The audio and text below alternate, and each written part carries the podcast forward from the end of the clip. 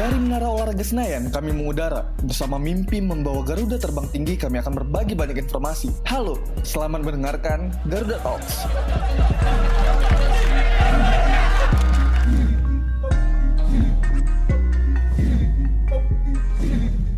Three, two, close the door tuh kayak Dede Kobuzer tuh. Oke sobat Garuda, selamat datang di Garuda Talks episode terakhir di season pertama masih dengan saya Mozaik Elisamer dan kali ini juga ditemani oleh Saya Gary Maulana Tiar. kan selama season satu ini kita udah ngomong banyak hal dengan pakar-pakar yang Mm-mm. emang pakar ya pakar-pakar yang emang pakar tuh di bidangnya kita kemarin sempat ngobrol sama broadcast Hmm. terus juga Sponsorship. sponsorship grafis sampai yang terakhir itu kita ngobrol Sosial media juga. oh ya sama sosial media dari Bali United ya waktu Iya. itu nah kali ini Mas Gar kita bakal ngomongin apa Mas Gar Ini sih, gua tuh sangat tertarik sama ini maksudnya ini bahasannya tuh muncul ketika kita sering main sosial media nih. Ya. ah, ah.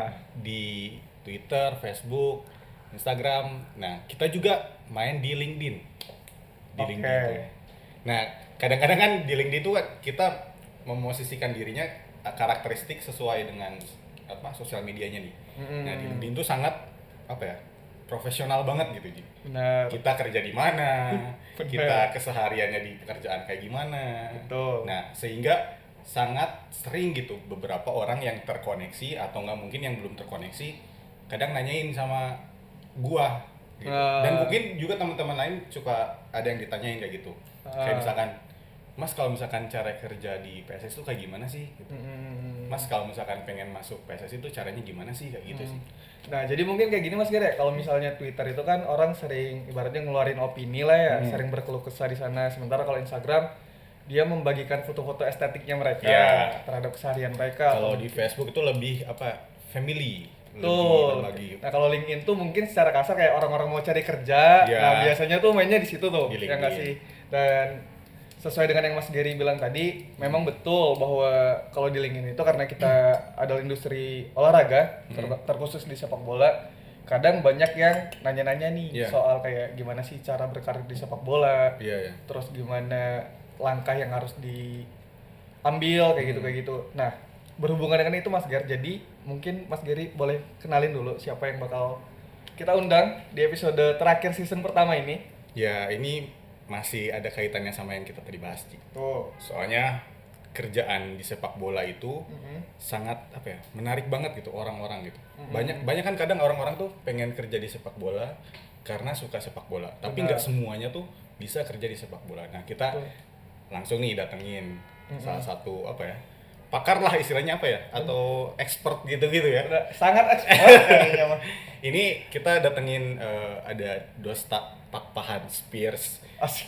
Nama lengkapnya dia seorang eh, HR di PSSI di Federasi Sepak Bola Indonesia dan sudah banyak pengalamannya gitu di, di dunia HR dan di sepak bola juga sekarang udah ada pengalamannya sekitar hampir tiga tahun kayak gitu. Mm. Gitu. Nah untuk untuk itu silakan Oji.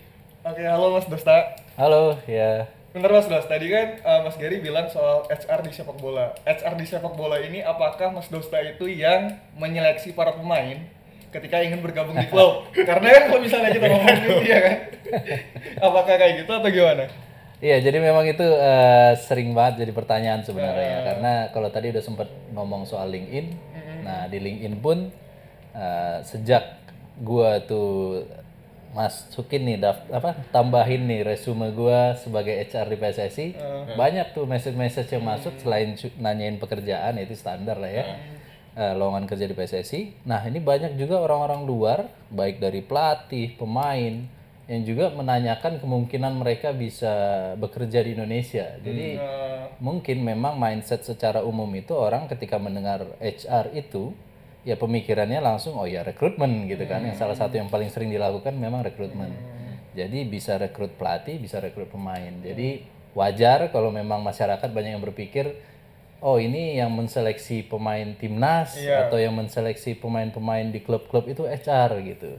Nah, ini sebenarnya memang eh belum sampai ke arah situ, tapi memang kalau secara eh, mindsetnya sebenarnya memang bisa ke arah situ. Tapi kalau untuk saat ini belum. gitu. Jadi masih lebih ke karyawan. Jadi kita Oke, oke. rekrutmennya untuk karyawan di PSSI karena saya di PSSI. Oke, jadi ada background sedikit Ji. Tapi kalau boleh tahu nih, Bang Dosta, eh, apa ya background pendidikannya atau misalkan sebelum-sebelumnya Bang Dosta tuh kerjanya di mana sih? Bisa sehingga bisa sampai di PSSI. Oke. Iya, jadi eh, memang kalau soal sepak bolanya saya dari kecil memang udah seneng banget sepak bola ya. Jadi biar ini ada gambaran dikit kenapa sih saya mau pindah ke sepak bola. Nah, jadi kalau awalnya tuh nggak ada pikiran sama sekali kerja di sepak bola. Ah. Karena memang nggak tahu gitu caranya seperti apa. Jadi awal-awal lulus kuliah, saya dulu kuliah di Unpad, jurusan psikologi. Nah, jadi pemikirannya mungkin standar kayak uh, anak-anak lulus yang baru lulus pada umumnya, ya kuliah di psikologi, lulusnya ya kerjanya di bidang apa? Ya kalau bukan bidang psikologi juga di konsultan, HR. Itu udah standar banget. Iya. Pasti begitu. Nah, jadi rata-rata pasti semua lulusan psikologi banyak terjunnya ke HR. Jadi ya saya ngikut di situ juga. Jadi pertama saya kerja itu dulu di uh, perusahaan telekomunikasi namanya Pacific Satelit Nusantara. Di situ saya bagian rekrutmen. Ya, jadi memang ya standar kerjaan rekrutmen kantoran seperti itu. Lalu setelah kurang lebih dua tahunan di sana pindah ke uh, perusahaan konstruksi kontraktor Total Bangun Persada. Situ sama juga kerjanya kurang lebih rekrutmen, mengurus uh, asesmen yang seperti itu. Nah, jadi memang peluang untuk masuk PSSI itu baru muncul uh, ketika kurang lebih hampir tiga tahunan yang lalu itu karena memang ada referensi dari teman yang sudah masuk duluan ke PSSI. Jadi eh, bagaimana bisa masuk ke PSSI ya seperti itu ceritanya. Karena memang dia juga tahu saya senang sepak bola, PSSI ini mungkin eh, lebih cocok buat saya HR-nya, jadi dia menawarkan ke saya. Kayak gitu.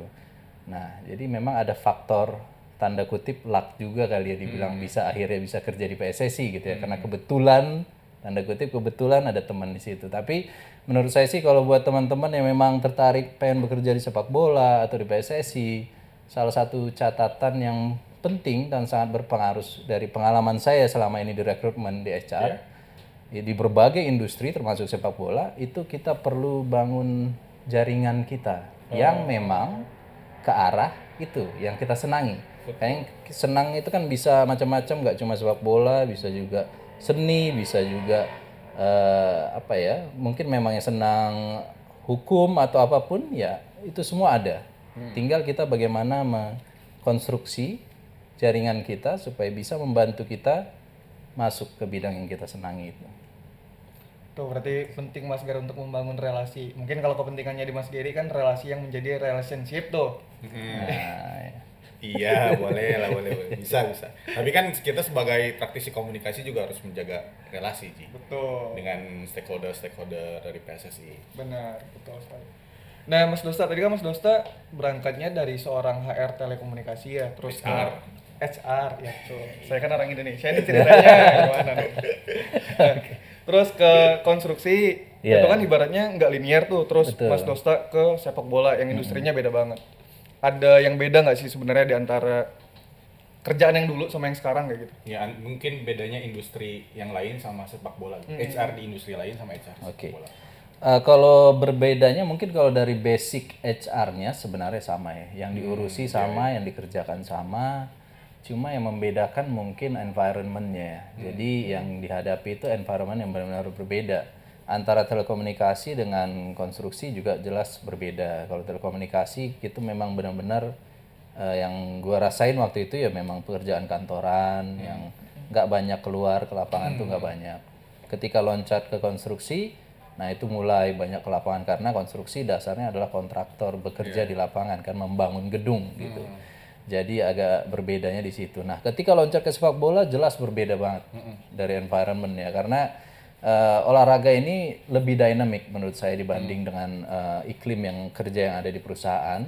Jadi memang tuntutannya itu kita harus lebih fleksibel dalam berbagai hal sebenarnya dalam bekerja, eh, baik dalam eh, membuat planning, baik dalam melakukan pekerjaan kita sehari-hari. Kadang mungkin ada sifat-sifat pekerjaan-pekerjaan tertentu yang tidak bisa di planning atau mendadak ya harus dikerjakan juga. Jadi dynamicnya di situ sih. Dan sebenarnya menurut saya sih lebih menyenangkan karena memang lebih mobile juga gitu pekerjaannya, nggak cuma eh, sekedar membahas eh, pekerjaan-pekerjaan yang rekrutmennya saja kah atau membahas HR-nya saja gitu, tapi ada juga kesempatan yang diberikan eh, di luar dari eh, scope HR yang dikerjakan sehari-hari. Itu yang menurut saya sih menarik ketika saya masuk ke sepak bola. Jadi saya juga bisa lebih paham sisi sepak bolanya lebih dalam lagi dibanding sebelumnya dan saya juga bisa terlibat dalam penyelenggaraan pertandingan. Bagi saya itu pengalaman yang sangat menyenangkan sekali. Jadi memang perbedaannya lebih di situ sih kalau untuk di sepak bola ini sendiri. Tadi kan Bang Dosta bilang bahwa banyak pekerjaannya yang apa ya sangat menyenangkan gitu karena memang apa ya dunianya dunia sepak bola dunia Betul. yang Bang Dosta sangat senangi. Tapi sebetulnya challenge-nya ada apa aja sih Bang di football ini?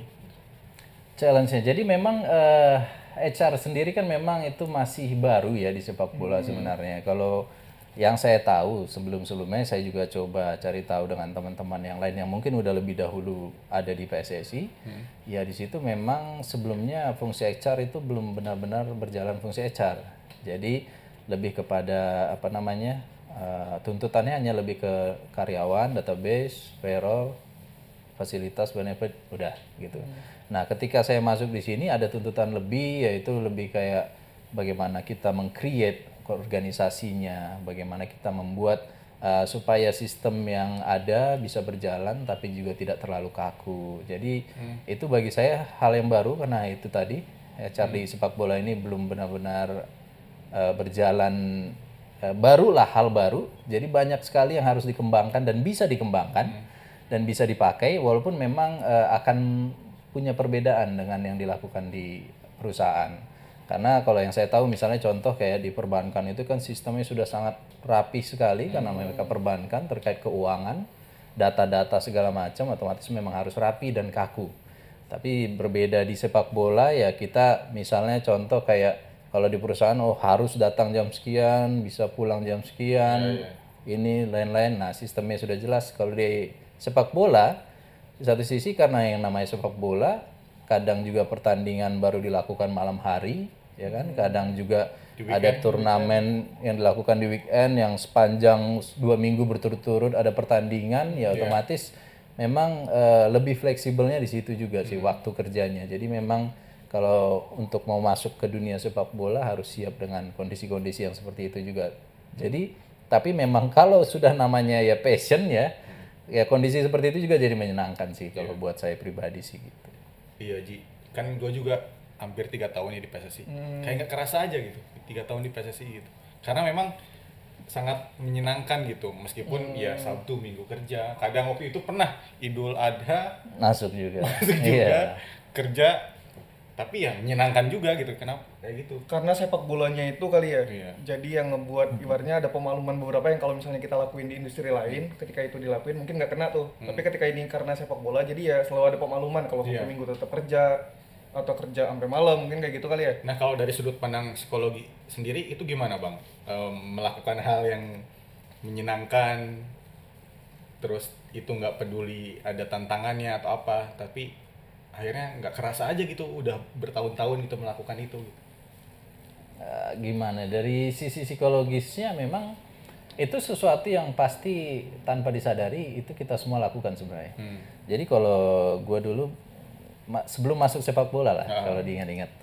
Jadi berasa banget ketika bekerja di kantor itu yang jenuh, bosan itu sangat sering sekali itu datang ke diri saya itu waktu waktu bekerja seperti itu. Jadi eh, kayak ada yang hilang gitu, ada yang kosong gitu, berbeda gitu. Nah, jadi yang menyenangkan itu buat saya memang dari dulu memang sepak bola. Nah, terasa dibandingin misalnya ketika kita bermain sepak bola, kayaknya dua jam tuh udah habis kurang rasanya. Ya kan kayak mau gitu. diganti ya kalau futsal. Betul kan? Diganti-ganti. Padahal bayar juga enggak kan. gitu. sering terjadi Sering terjadi kayak gitu. Nah itu karena sesuatu yang menyenangkan itu cenderung memang membuat kita eh, melakukannya tidak memikirkan waktu, tidak memikirkan, tidak merasa itu sebagai sebuah beban. Jadi ya karena menyenangkan melakukannya jadi senang-senang aja gitu. Sama kayak misalnya kalau dalam hubungan lah gitu ya kita bandingin nih hubungan. Siap, siap, kan siap. tadi nih relas- relasi kan relationship ya. Betul. nah kalau kita sama orang yang kita ngobrol dengan orang yang kita senangi Iya, iya. berjam-jam itu pasti rasanya nggak Nggak lama gitu bentar gitu.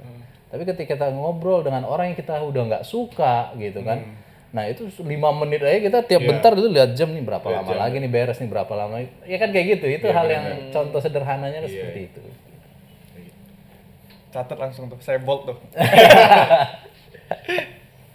Oke Mas Dosta berarti total udah berapa, berapa tahun Mas di bola? kalau di bola berarti sejak masuk PSSI udah kurang lebih dua setengah tahun sih. Dua setengah September dua ya? setengah tahun iya September betul Oke, nah kalau selama dua setengah tahun itu berarti job desk yang udah dilakuin selain HR ada ngelakuin apa lagi apa lagi nggak? Iya, jadi eh, kalau yang bersentuhan dengan bolanya sih ya bagi saya yang paling memorable itu ya ketika saya dikasih kesempatan untuk eh, jadi panpel pertama, yang kedua sebagai general koordinator. Nah, itu memang eh, satu hal yang bagi saya itu sangat berkesan karena pertama nggak ada pikiran ketika masuk PSSI saya bisa bekerja di posisi itu.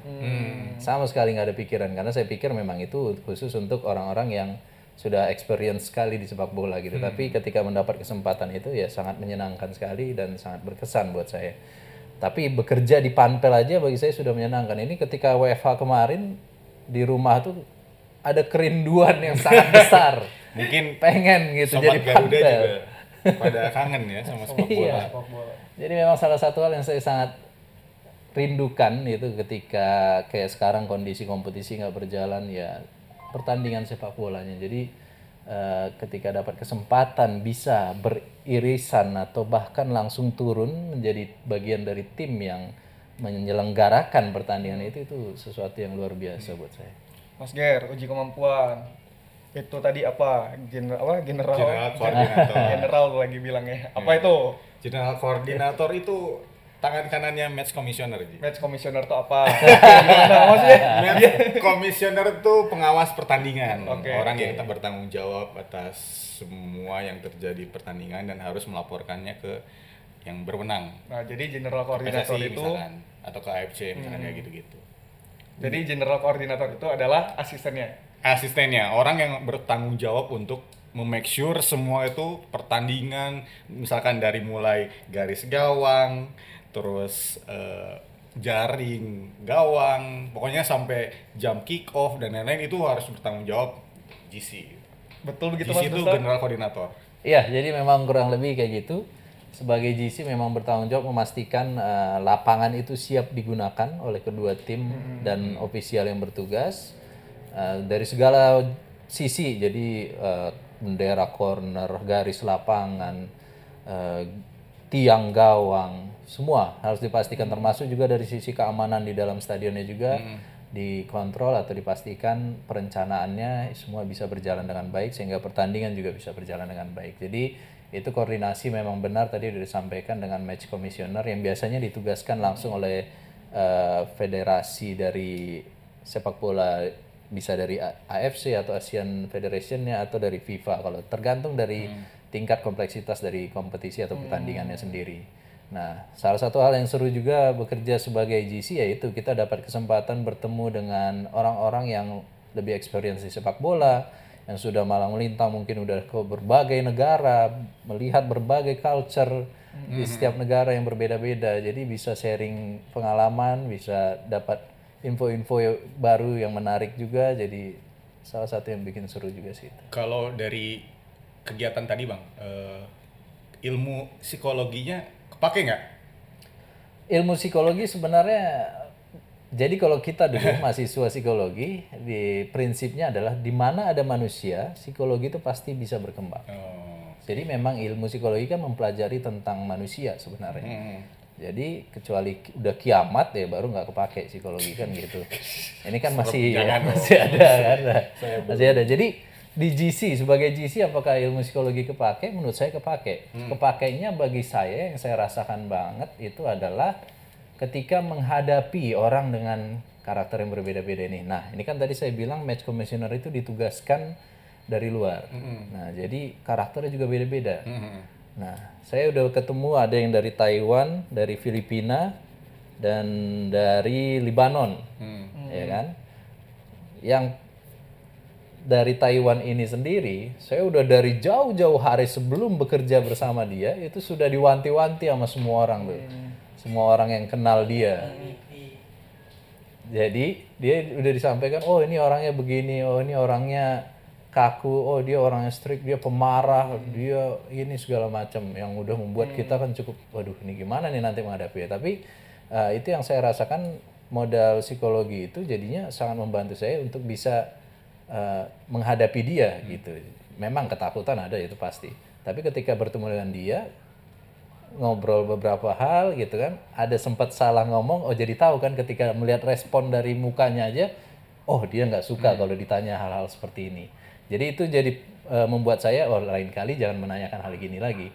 Lebih fokus kepada pekerjaan. Jadi dan ternyata pada akhirnya dia juga ada rasa puas dari dia yang dia sampaikan. Kayak saya juga kaget waktu itu. Jadi sebelum dia balik ke hotel di stadion terakhir sebelum dia keluar ruangan dia bilang we are a good team. Wah, itu jadi itu satu hal yang bagi saya wah hebat dong. Saya bisa ya orang yang ditakuti oleh banyak orang ternyata bisa mengatakan seperti itu jadi itu sangat membantu sih psikologi di situ Tadi kan Bang Dosa juga sempat bilang ya bahwa yang cakupan kerjanya di HR di PSSI adalah untuk memanage eh, persoalan apa ya personalia nggak sih bang atau enggak ya betul. HR gitu untuk karyawan.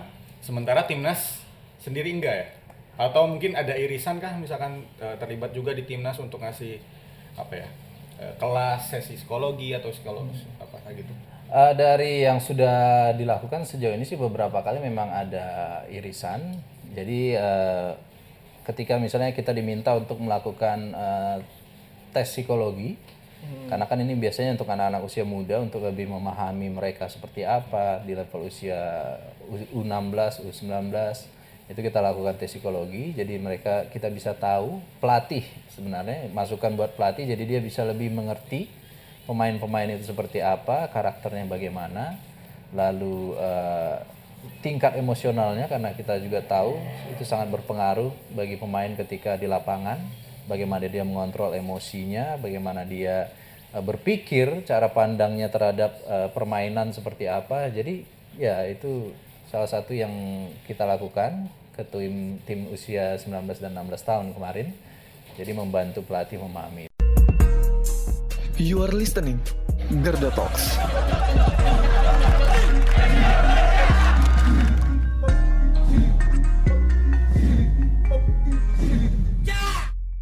Jadi Ji, eh, kayak bekerja di sepak bola tuh kayaknya tuh kesempatan yang sangat langka sekali.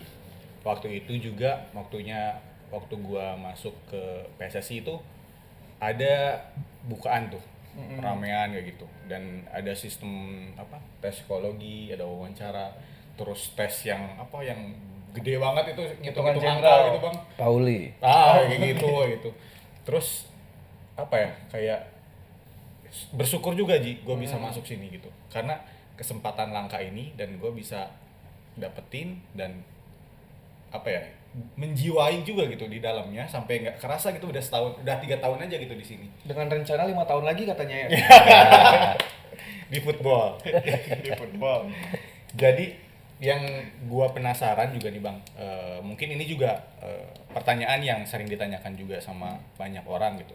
Apalagi tadi gua sempat sebut juga bahwa ada kadang netizen netizen tuh nanya sama gua gimana cara kerja di eh, sepak bola di PSSI khususnya kayak gitu nah sebetulnya apa ya requirement atau enggak syarat-syarat untuk kerja di sepak bola itu kayak gimana sih bang? Apakah ada syarat khusus kah atau bidangnya tuh harus khusus kah kayak gimana gitu? Ya, jadi eh, kalau requirement sih gua rasa nggak nggak terlalu banyak berbeda dengan ketika kita mau bekerja di perusahaan ya Iya. atau di kantoran seperti itu. Jadi kalau requirementnya tentu ada requirementnya. Eh, ke, kalau yang khusus memang pasti tergantung pada bidang-bidang yang diinginkan kan seperti itu. Karena di PSSI juga kan nggak cuma hanya sepak bola saja, tapi juga ada medianya, ada bagian untuk komersialnya, jadi macam-macam juga, hampir mirip seperti yang ada di perusahaan. Jadi kalau requirement khusus tergantung daripada bidang yang diminati. Gitu. Iya, iya. Cuma kalau secara umum memang ya yang sangat berpengaruh itu memang senang sepak bolanya kalau menurut saya karena faktor itu yang sangat menentukan siapa yang bertahan dan siapa yang tidak sebenarnya di dunia sepak bola. Jadi ketika seseorang hanya masuk ke dunia sepak bola bekerja hanya karena dia ingin bekerja, itu semangatnya akan berbeda dengan mereka yang karena bekerja karena senang dengan sepak bolanya. Itu sangat berbeda. Itu satu hal yang eh, gua lihat selama ini di sepak bolanya. Terus eh, untuk jalurnya sendiri ya seperti yang tadi saya bilang pertama mungkin penting untuk kalian bangun networknya. Itu tadi yang sudah saya sampaikan di awal juga. Jadi bangun jaringan atau relasi sebanyak mungkin dengan orang-orang yang memang sudah terlibat lebih dahulu di dunia sepak bola. Itu akan membantu kalian nanti untuk menemukan jalur yang kalian butuhkan untuk masuk ke dunia sepak bola. Iya. Nah, untuk memulainya menurut saya itu bisa dari hal yang kecil karena dari pengalaman yang saya lihat selama di PSSI contohnya itu ketika misalnya eh, kita nggak usah langsung berpikirnya PSSI-nya dulu karena kan PSSI sendiri sebenarnya membawahi banyak Iya, iya. ada asosiasi provinsi yang ada di setiap provinsi di Indonesia Betul. dan di setiap provinsi atau setiap daerah juga ada klub-klub sepak bola yang eh, bernaung di sana. Jadi mungkin teman-teman yang memang tertarik untuk masuk ke PSSI bisa mulai dari situ di daerahnya masing-masing, entah itu ke asosiasi provinsi atau ke klub-klub sepak bola yang ada di daerah kalian. Nah, jadi bagaimana caranya? Dalam penyelenggaraan pertandingan seperti yang tadi saya sampaikan itu pasti membutuhkan orang-orang untuk membantu baik itu klub ataupun asosiasi provinsi eh, butuh orang untuk bisa menyelenggarakan pertandingan atau butuh panitia. Iya. Nah, dengan kalian sudah punya relasi dengan orang-orang yang sudah lebih dahulu di sepak bola, itu membuka kesempatan kalian untuk dilibatkan dalam kepanitiaan tersebut. Jadi mungkin ya kalau pengalaman yang di PSSI dengan start dari sebagai volunteer atau sukarelawan, nah nanti di situ kalian bisa dilihat atau dinilai. Kalau memang kalian punya semangat kerja yang bagus, kalian eh, menunjukkan bahwa kalian memang bisa bekerja dengan baik, itu kesempatan kalian semakin besar untuk bisa ditarik dan bekerja di dunia sepak bola. Jadi jangan terlalu langsung memikirkan PSSI-nya, mulai dari daerah kalian juga bisa. Nah, someday siapa yang tahu? Kalau memang kalian terus bisa bekerja dengan baik, kalian suatu saat bisa sampai ke PSSI-nya, bahkan mungkin lebih dari PSSI, AFC, FIFA, siapa yang tahu? Itu mungkin juga terjadi sama beberapa teman kita yang bekerja di sini mas Gere ya Iya, kayak berangkatnya bukan langsung ke sini tapi emang dari volunteer dulu Volunteer. terus ya akhirnya orang-orang pada tahu kalau emang kan kayak senang sama sepak bola itu kan kadang nggak bisa ditakar kan Betul. pas ya kayak mungkin orang bisa ngomong doang kayak gitu tapi dengan Iya. diibaratnya secara konsisten terus ikutan jadi kayak mungkin orang-orang yang terhubung dengan dia pun sadar bahwa oh ini anak emang Ada potensi. ada potensi Betul. dan emang suka banget sama sepak bola Betul, gitu. betul. Mas Dosta, Ya. kalau misalkan ada orang nih, kadang kan ada misalkan kayak ada orang seneng banget nih sama sepak bola, tapi dia nggak mau tuh terjun ke sana karena takut nanti kesenangan dia itu menjadi rutinitas dan dia bosan malah sama sepak bolanya. Hmm. Kalau misalnya menurut Mas Dosta sendiri nih, apa sebenarnya keuntungan dengan bekerja di industri sepak bola? Keuntungannya kalau karena gue juga udah pernah merasakan bekerja di yang non sepak bola gitu ya. Jadi per- paling pertama sih yang gue rasain bekerja di sepak bola ya saya kita bisa bekerja di bidang yang memang kita senangi gitu. Dan itu bagi saya sangat berbeda sekali eh, ketika misalnya dibandingkan dengan ketika kerja kantoran sebelumnya gitu. Jujur aja itu di kantoran tuh eh, udah kayak berasa udah bertahun-tahun puluhan tahun gitu kayak kerja di situ. Karena memang membosankan karena itu yang jadi rutinitas. Nah, kalau sepak bola itu seperti yang tadi gue juga udah sampein bahwa eh, apa namanya dinamiknya di situ ada sisi dinamisnya. Jadi eh, kita itu tidak hanya bekerja dalam konteks yang sehari-hari kita kerjakan yang dituntutkan ke kita. Jadi kayak gua nih misalnya, gua itu tidak hanya mengerjakan HR-nya saja.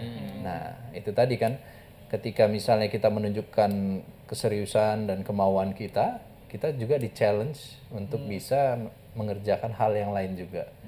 Jadi contohnya tadi yang udah gua sampaikan juga ketika kita dilibatkan dalam kepanitiaan dalam menyelenggarakan pertandingan. Gua dulu awalnya ketika dilibatkan kepanitiaan itu bagian perlengkapan. Yang mana itu emang kerjaannya ngangkat-ngangkat gitu kan. Iya benar. Jadi memang seperti itu ngangkat-ngangkat peralatan untuk pertandingan yang seperti itu. iya memang melelahkan dan kalau orang bilang banyak kayak kuli gitu ya.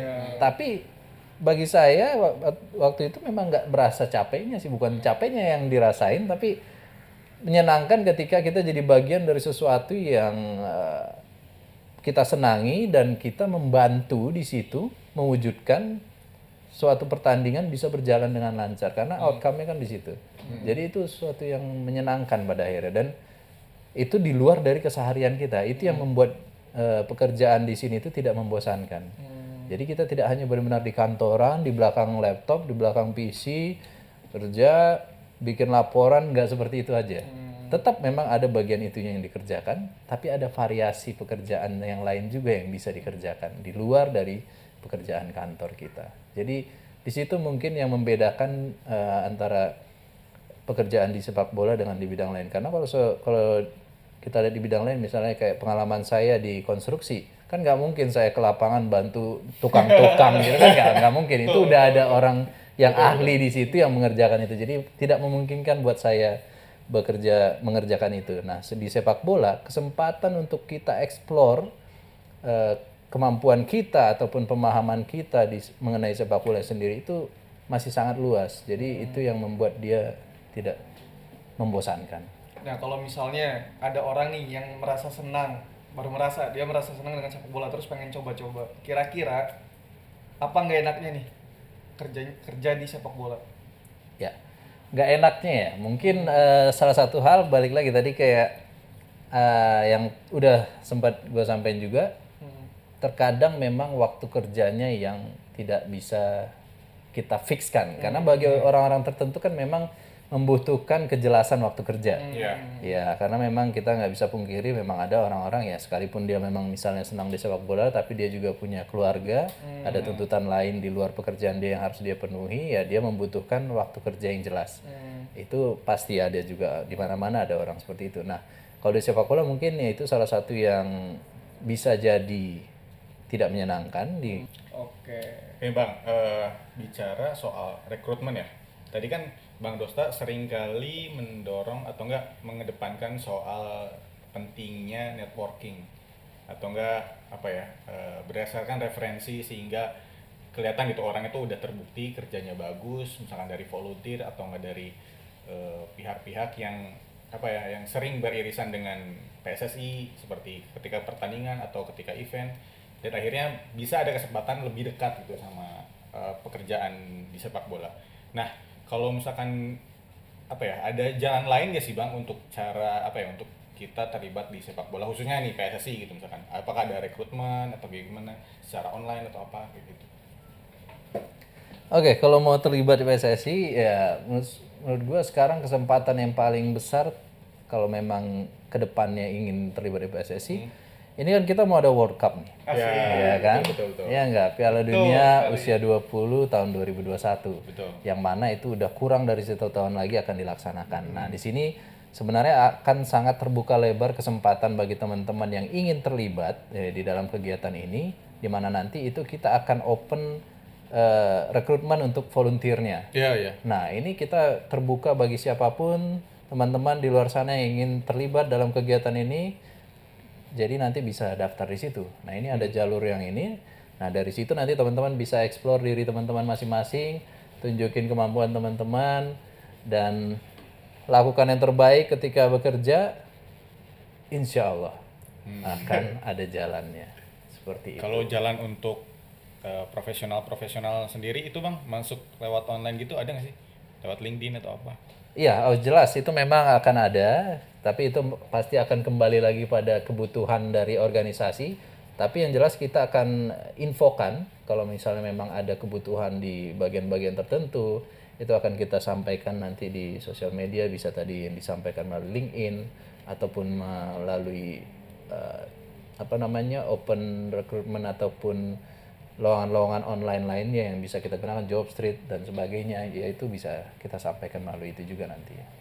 Nah mungkin buat sobat Garuda nih yang biasanya agak-agak denial nih dengan informasi, monggo sering-sering cek Instagram, Twitter, PSSI itu. Iya, follow jangan lupa. Follow jangan lupa. Terus yang biasanya komen aneh-aneh, tahan dulu nih. Oh iya bang, sebetulnya ketika proses rekrutmen tuh ada trace soal sosial media nggak sih?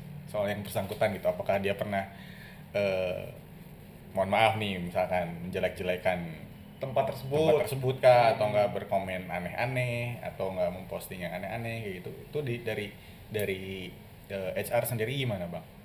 Ya sebenarnya jelas kalau rekrutmen di masa sekarang itu sangat penting ketika kita mencoba memahami calon dari eh, kandidat dari karyawan yang akan kita rekrut, kita mencoba memahami dia.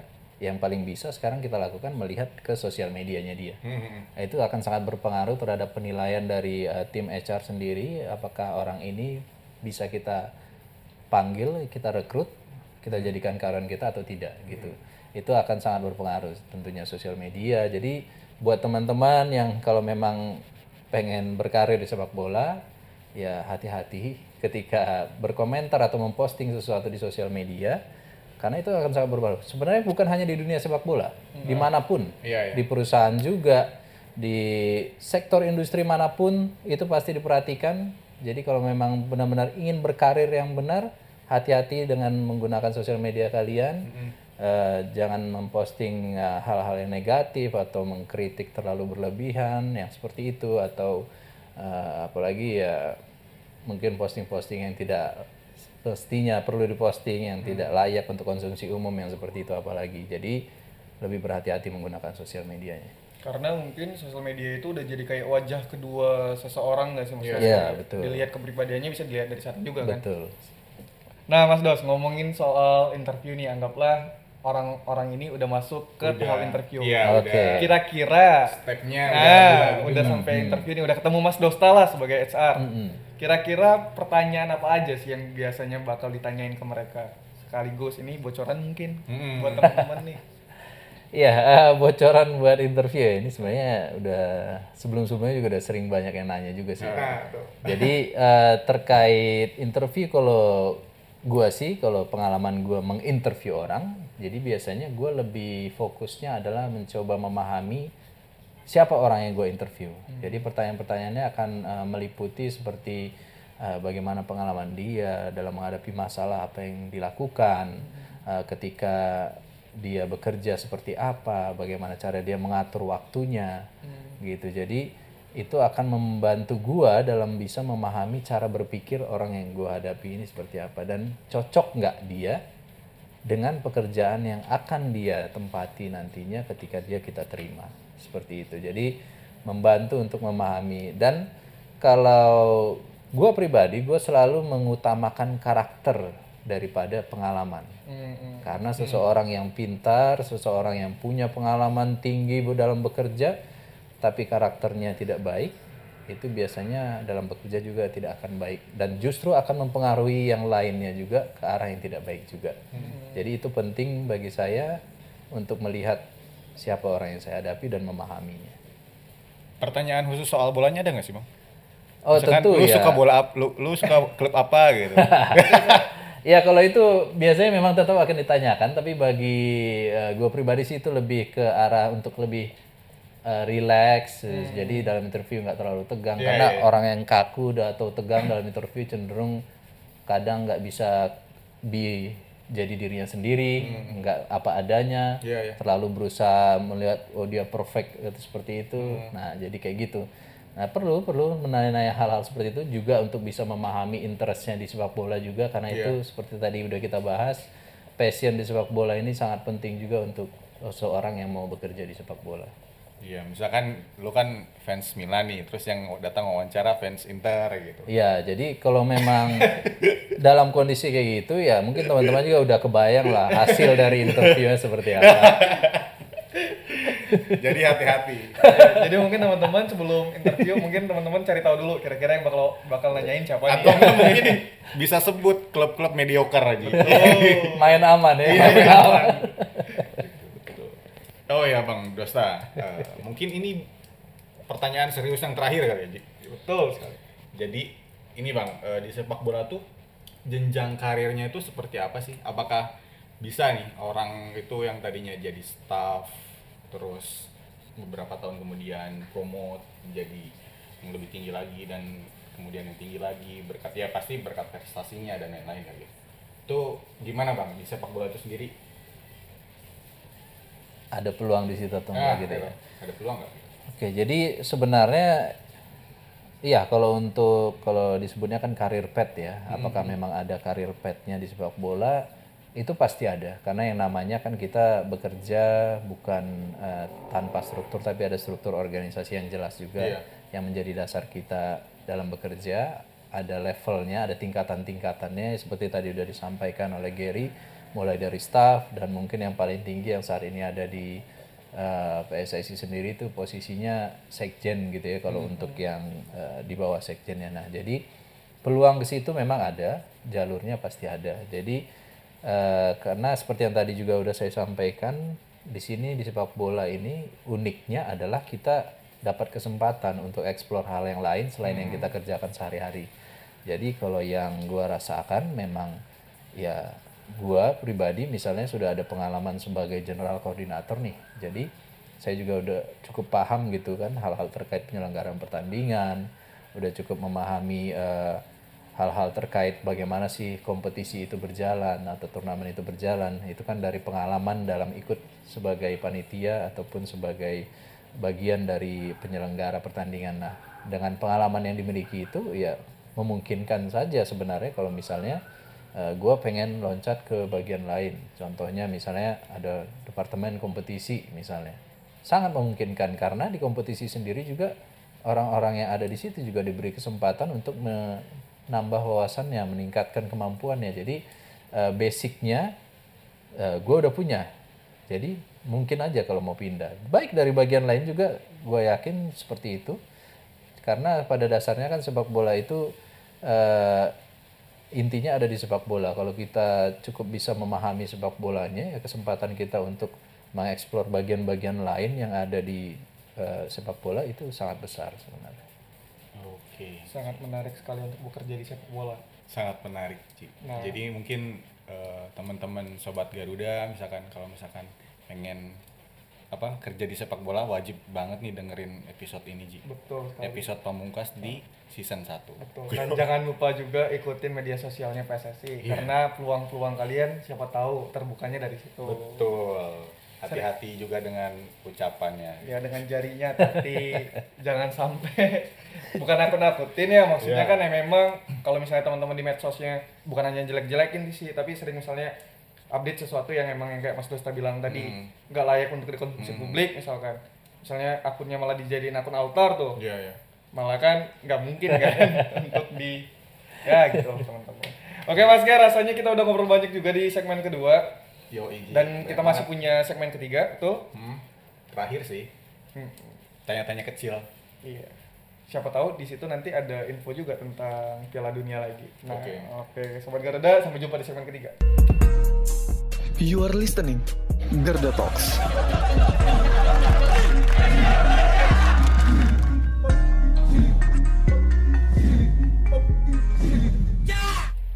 Sobat Garuda di segmen ketiga dengan orang-orang yang masih sama semoga nggak bosan ya masih ada saya Mozaik Ji, lu suaranya kayak bosan gitu Ji. eh, saya semangat nih saya semangat, nih saya semangat Ini kan episode terakhir di season 1. Saya tuh nggak semangatnya gara-gara itu, karena season satunya udah nyampe episode 10 aja nggak kerasa Oh, kan.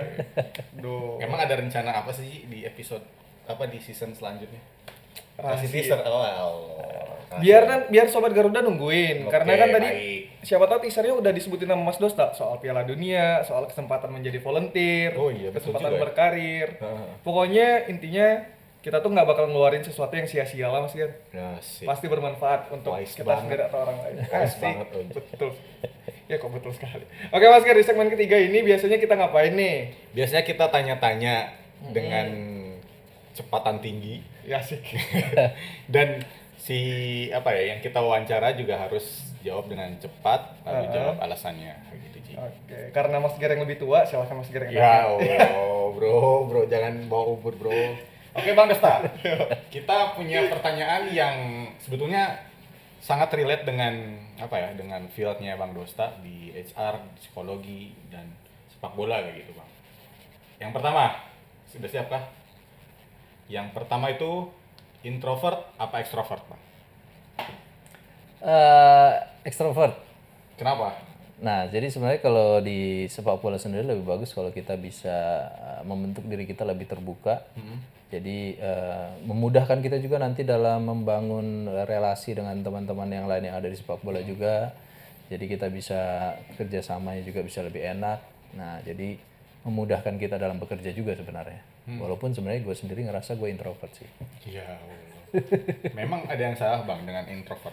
Enggak, jadi eh, kadarnya. Jadi kan memang sebenarnya itu yang membedakan antara satu orang dengan yang lain. Jadi ketika seseorang introvert, nggak semua orang introvert sama. Ada yang memang benar-benar tertutup sekali. Iya, iya. Ada yang hanya sedikit tertutup. Ada yang setengah tertutup. Ya itu kan beda-beda. Iya. Jadi itu sih. Oke. Menarik, menarik. Lanjut Mas Ger. Yang kedua nih Bang. Eh, milih di kantor apa milih di lapangan? Lapangan. Karena memang eh, dari dulu sih sebenarnya udah ngerasain sejak eh, sering menemukan kejenuhan ketika bekerja kantoran di belakang meja seperti itu.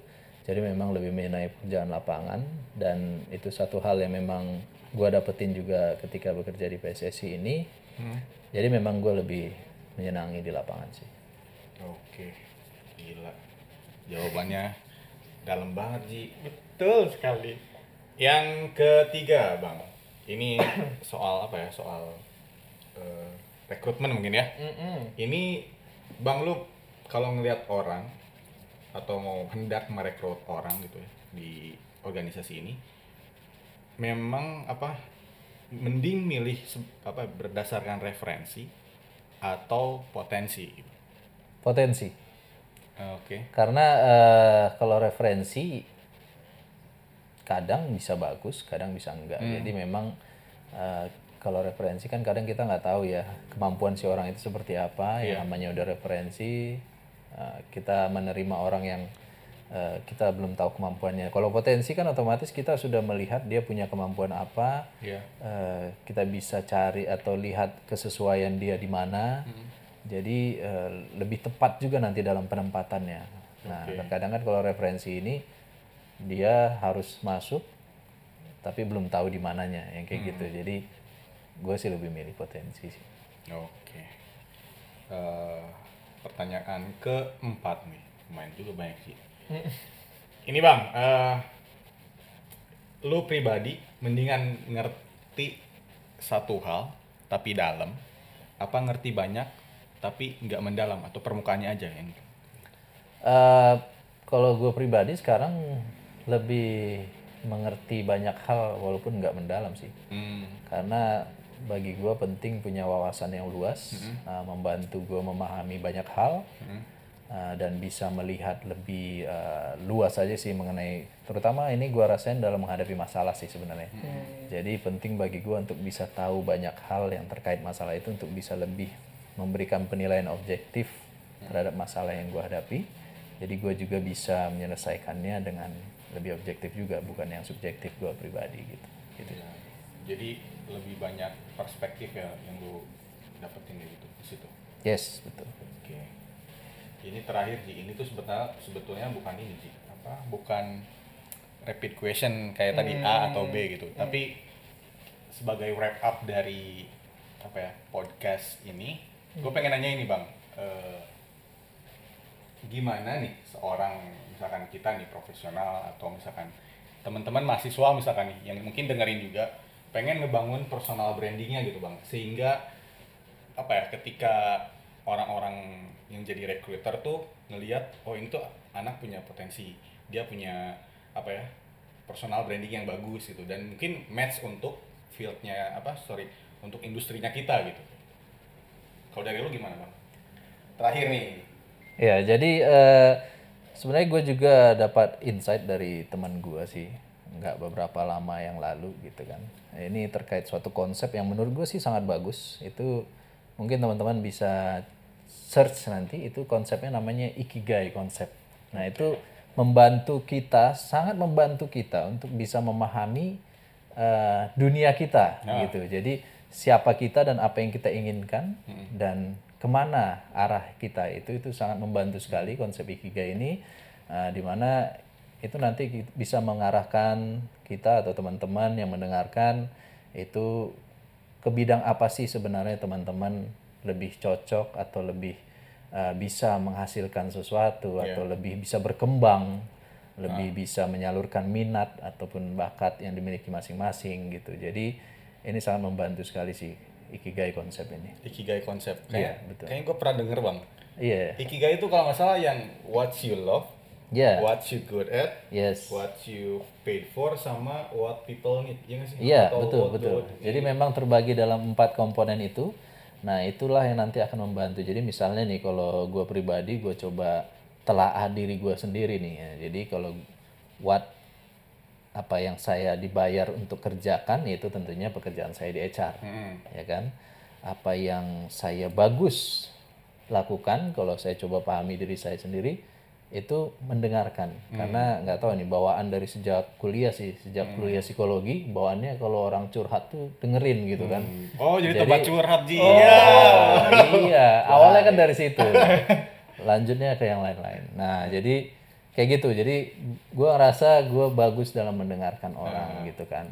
Nah terus apa yang eh, saya senangi yaitu jelas sepak bola. Saya menyenangi sepak bola mencintai sepak bola gitu dari kecil terus apa yang diharapkan dunia dari saya?